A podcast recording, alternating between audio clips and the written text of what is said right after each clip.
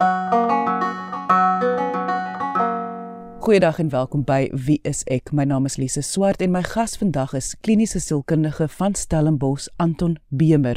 En ons gaan vandag gesels oor Alzheimer se siekte, 'n diagnose waarmee Anton Bemer baie bekend is. Demensie is die area waarin hy 10-10-1 die meeste werk doen. So indien jy enige vrae het, kan jy ons kontak deur die webwerf gaan net na wieisek.co.za of na ons Facebookblad onder wie Wie is ek SA? Maar kom ons luister nou eers na my gesprek met Anton Bemer oor Alzheimer se siekte. Anton, wanneer mens dink aan demensie, dink die meeste van ons aan Alzheimer se siekte asof dit die enigste vorm van demensie is en dis dis tog nou nie heeltemal waar nie. Maar dit is tog die mees gediagnoseerde vorm van demensie. En en by Ferrelise, dit is definitief ehm um, die tipe demensie of wat ook nou genoem word neurodegeneratiewe verstoring waar ons Alzheimer siekte diagnoses baie baie vinniger kry as ons enigsins navorsings doen oor demensie en die verskillende tipes wat ons natuurlik kry soos vaskulêre demensie en Lewy body demensie en frontotemporale ensovoorts ensovoorts. Van die studie sê dat omtrent 60 tot 70% van mense wat met demensie, 'n vorm van demensie gediagnoseer word, het Alzheimer se siekte. So dit is 'n groot persentasie daarvan. Baie mense voel wanneer mens ouer word, gaan jou geheue in elk geval aangetast word. So in vergelyking met ouer word, hoe, hoe verskil Alzheimer se siekte simptome met dit van net normaal oud word? So ek dink um, die die realiteit van ouer word is dat daar seker dinge is wat verander. Wat ons ons het dalk nie soveel gemaklikheid as ons trappe op en af gaan nie. Ons doen dit dalk nie so vinnig as van tevore nie. Ehm um, daar is sekere dinge wat ons meer bewus is van, uh, soos byvoorbeeld dat dat jy dalk moeiliker gewig afskud as as jy dit graag wil doen want jy's dalk nie meer so aktief soos wat jy van tevore was nie. Uh of jy slaap dalk nie meer so goed soos van tevore nie en dan natuurlik op die uiterlike mag daar 'n bietjie meer plooie of of uh 'n paar kolletjies op jou vel verskyn wat jy nie van tevore gehad het nie. En dit is nie noodwendig vir almal ewe maklik om net hierdie ervaring van ouer word te aanvaar nie. Een van die dinge wat ons definitief sien as ons ook kyk na die spoed waarmee ons dinge doen, nie net fisies nie, maar ook in terme van dinkspoed, is dit iets wat 'n afname toon. En dit is deel van ouer word.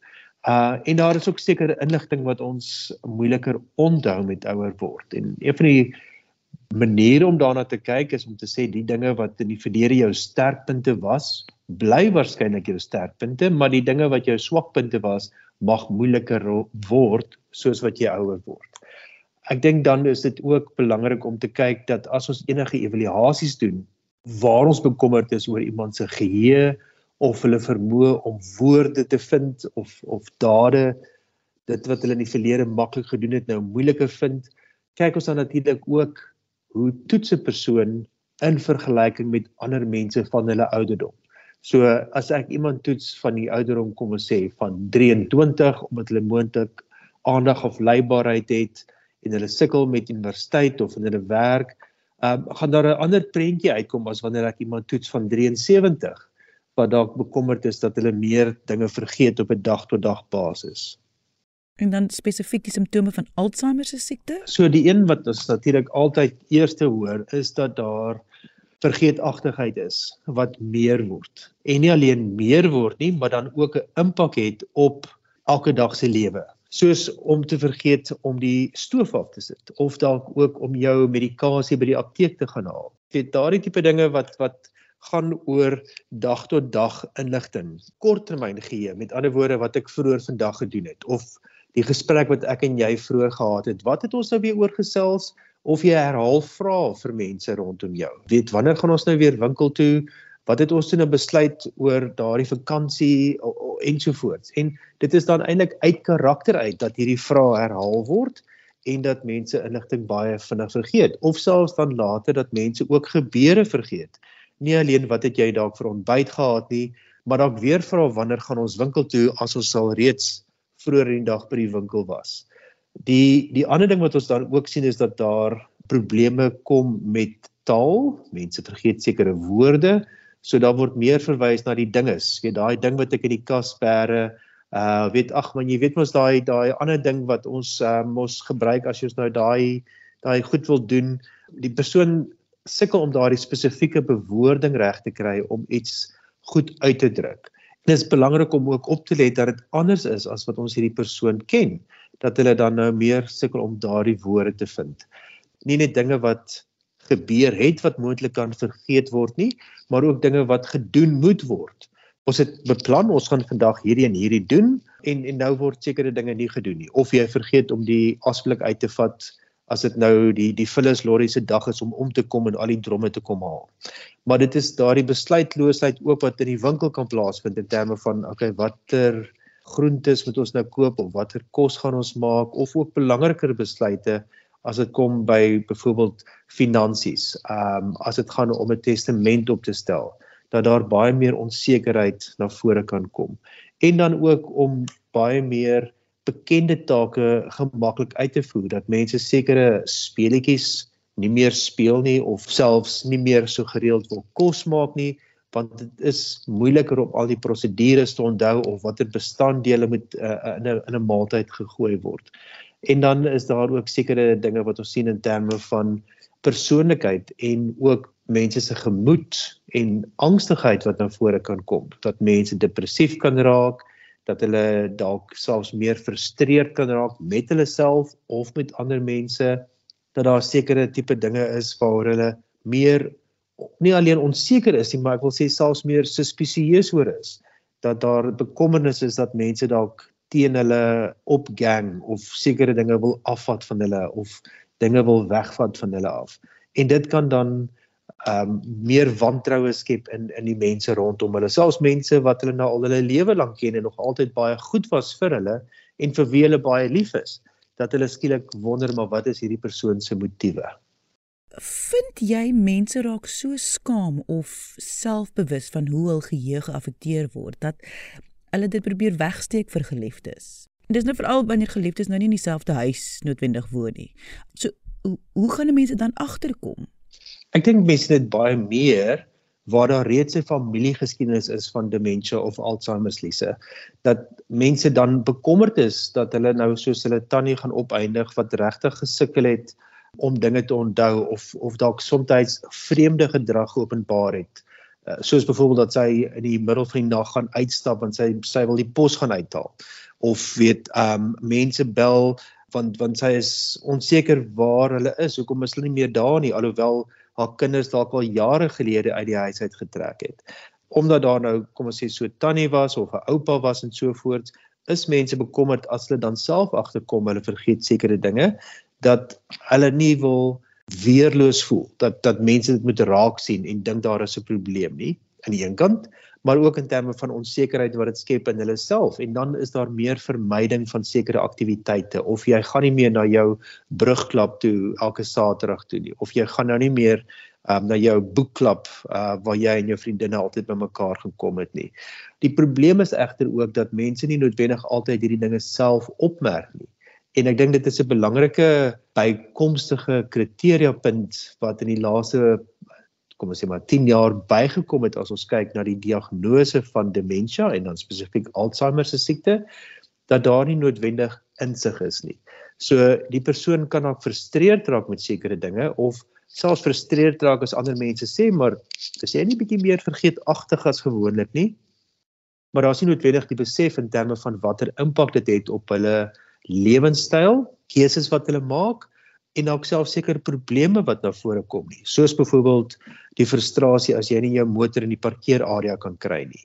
Of weet jy was so seker daar was nog ehm um, sout en peper in die kas en nou kan jy dit nêrens in die hele kombuis kry nie, alhoewel jy dalk dit per ongeluk op 'n ander plek gebeer het. Ander moet jy kan insien dat mense is ook te bang om te gaan vir hulp want die meeste van ons is vrek bang vir die diagnose van Alzheimer se siekte. Ja, dit is heeltemal waar.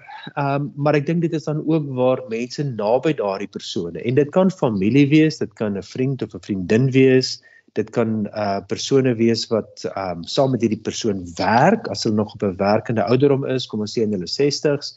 Uh dit kan iemand wees in 'n aftreeoord wat hulle bekommernisse uitspreek En ek dink ook dan as daar meer risikofaktore is, kom ons sê die persoon verdwaal meer gereeld en hulle um, weet neem die motor om kerk toe te gaan op 'n Sondagoggend en hulle kom eers later die middag terug en hulle kan nie regtig sê waar hulle was nie.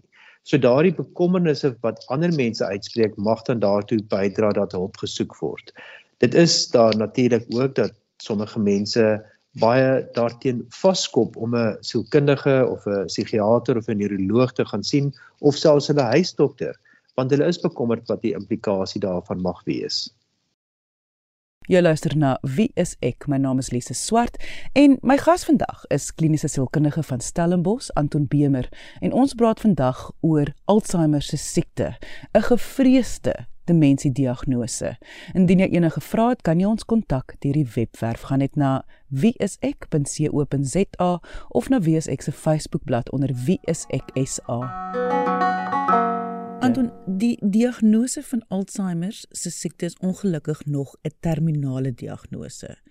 Vind jy dat wanneer familie en geliefdes hierdie nuus hoor, ehm, um, kan ek nou sê gee hulle uh, gee hulle soms te vinnig op op die individu wat my nou by die tweede deel van my vraag bring, uh, die progressie van die siekte. Gee mense met ander woorde soms te vinnig op wanneer die progressie van die siekte affekteer hul reaksie of hul besluit. So ek dink die hele tema van opgee is is 'n baie belangrike een, Lise, want ek dink dit is baie as gevolg van vrees van familielede dat hulle baie bekommerd is hier gaan nou baie vinnig drastiese veranderinge plaasvind.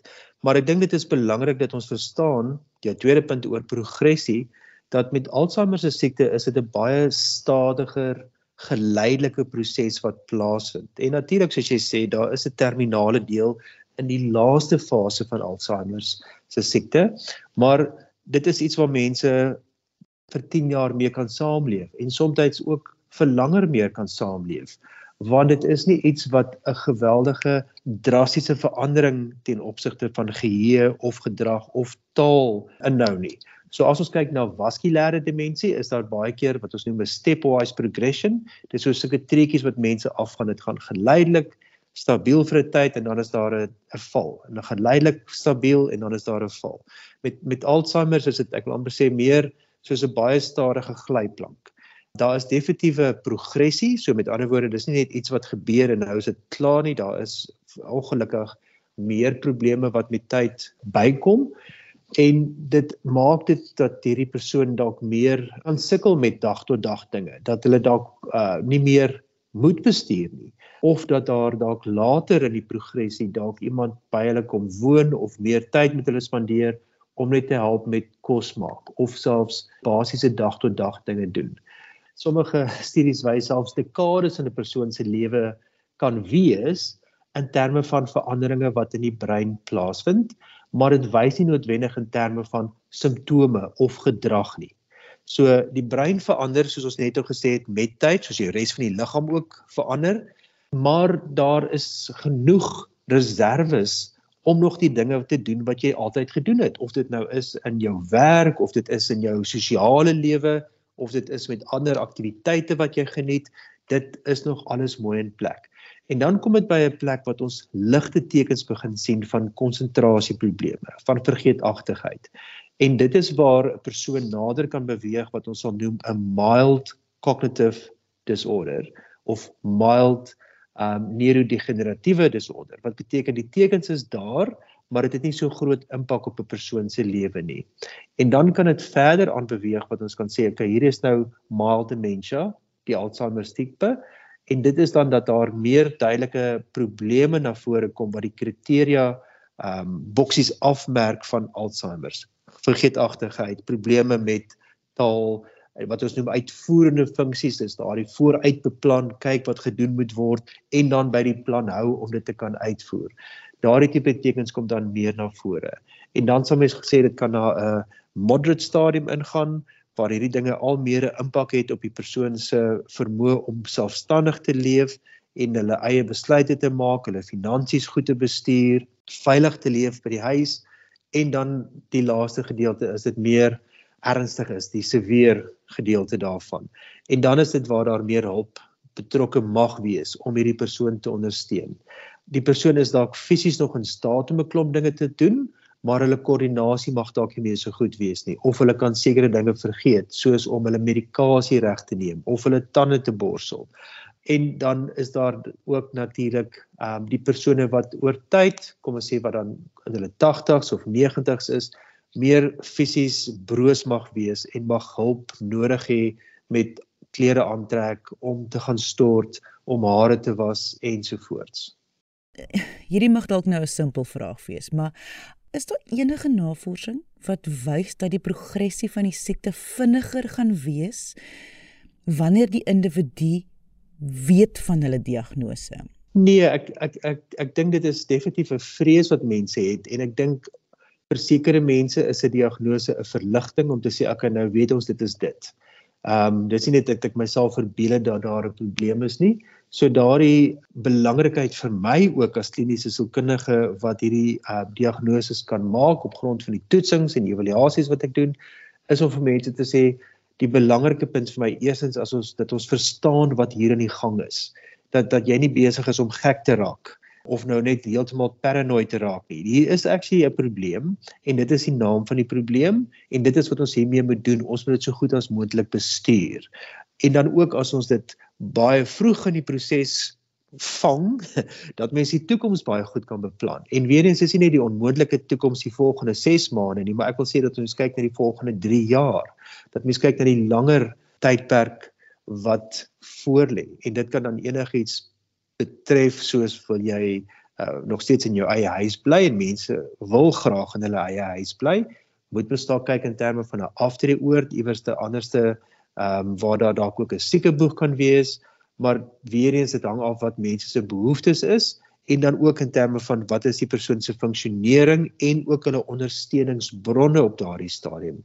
In sommige gevalle is daar familie wat baie naby is en weet wat graag hulp wil verleen, maar ons weet ook dit is nie altyd prakties moontlik in die latere fases van demensie nie. Die ander vraag wat mense dan ook vra is wat kan ek verwag? Hoe vinnig gaan dinge erger raak? En dit is 'n baie moeilike vraag want ek dink wat ons baie klem daarop lê is dat elke persoon bly steeds uniek en elke persoon se demensie of Alzheimer se siekte of watter diagnose is ook uniek tot daardie persoon. So ons kan net voorspellings maak deur terug te kyk om te sê okay, as ons nou sien jou progressie was baie stadig tot nou toe gewees, al wat ons kan sê is dat vir die onmiddellike toekoms voorspel ons dat die progressie waarskynlik stadig gaan bly. As daar egter baie vinnige en drastiese probleme ontwikkel het, dan is ons meer bekommerd daaroor. En dan moet ons kyk in terme van moontlik na medikasie wat kan help om die proses van demensie stadiger te maak nie, maar ook na watter ander gesondheidsprobleme aangespreek kan word en ook enige gemoedsprobleme soos depressie of angs en so voort wat ook behandeling nodig mag hê. Daar is so baie fasette aan 'n Alzheimer diagnose. Die finansies, toekoms, verblyf, verlies, rou, afskeid, ag verskillende geliefdes, die verhoudings, alles. Maar 'n boodskap wat jy altyd klem op lê, is om te onthou wie die persoon is mense sal baie keer sê moet my ma nou meer blokkies raaisels invul, moet sy nou meer Sudoku speel. En sy het nog altyd wiskunde gehaat of nog nooit iemand gewees wat daar so passief wil sit en en uh woordeboeke deurgaan om net te kyk wat is nou 'n ander woord vir koppeling nie of wat ook al die geval mag wees. So as dit iemand is wat nog altyd aktief was, kry aktiwiteite waaraan hulle kan deelneem of iemand wat sekere aktiwiteite met hulle kan doen dit is om daardie liefdes wat hulle in die verlede gehad het nog steeds uit te bou. As dit iemand is wat nog altyd gehou het van kultuur en musiek, om te kyk na watter geleenthede is daar om na 'n konsert toe te gaan of om iewers in die tuin te sit en na pragtige musiek te luister. Wat ook al vir daardie persoon in die verlede gestimuleer het om daardie dinge nog steeds daar in stand te hou. Waar waar daardie persoon al is daar 'n kognitiewe met ander woorde 'n denkprobleem as gevolg van demensie dat hierdie nog steeds gekoester word. Ek dink die ander deel daarvan ook is dat juis te keer dat die persoon geïsoleer raak, dat hulle so onttrek van ander mense af en juis hierdie persoon betrokke hou by aktiwiteite wat hulle geniet, by sosiale situasies, dat daar dinge gedoen word wat stimulerend is. Met ander woorde, dit dit wat vir jou nog help om te konsentreer op dinge, wat jou help om te lag. Musiek, weet goeie kos, iets wat regtig vir die persoon iets gee wat die lewe betekenisvol maak, kleurvol maak, stimulerend maak. Ek dink daardie is so belangrik en dit kan so maklik afgeskeep word. Maar ek dink wat baie belangrik is, as ons kyk na meer plekke wat gebou word vir mense met demensie, want die voorspellings is natuurlik dat dit meer gaan word soos ons ouer populasie meer word, is daar baie meer aandag aan die detail daarvan om dit so in te rig dat dit vir elke persoon baie meer persoonlik gaan voel. As ek praat van getalle dan sal my sê op die oomblik is daar ten minste 5 miljoen, 6 miljoen mense in Suid-Afrika oor die ouderdom van 60 jaar oud waarvan min of meer hier rondom 190 000 mense lewe met demensie en dit sal vermeerder tot ongeveer 250 000 mense by die jaar 2030. So daar's definitief 'n toename daarin. Interessant is dat in Europa en selfs in Amerika wys daar tog dat daar 'n effense afname is in die voorkoms van demensie. En 'n groot deel daarvan is as gevolg van mense se gesonder lewenstyl. So daar is meer bewusmaking van die gevare van rook, te veel alkohol gebruik, 'n ongesonde dieet, om passief te wees, hoë bloeddruk, om nie medikasie vir byvoorbeeld diabetes korrek te gebruik nie, cholesterol, enigiets wat te doen het met hartsiektes. En soos daardie inligting baie meer goed gebruik word in 'n gemeenskap, het dit 'n goeie impak op mense se gesondheid, nie alleen in terme van van die ken af ondertoe met ander woorde jou lyf nie, maar ook op die brein. En ek dink dit is baie belangrik as ons kyk na Suid-Afrika ook dat hierdie tipe boodskappe baie meer klem moet kry om te sê dit is beleggings wat jy maak in jou eie gesondheid, jou eie kognitiewe, met ander woorde denk breingesondheid ook om te investeer in jou lewenstyl. En dit was Anton Bemer, kliniese sielkundige van Stellenbosch. Indien jy enige vrae het, kan jy ons kontak deur die webwerf gaan net na wieisek.co.za of wieisek se Facebookblad onder wieiseksa. Baie dankie dat jy vandag ingeskakel het. Ons maak weer so volgende Vrydag 12:30 hier op RSG. Jy moet 'n heerlike naweek hê en onthou, kyk mooi na jouself. Thank you.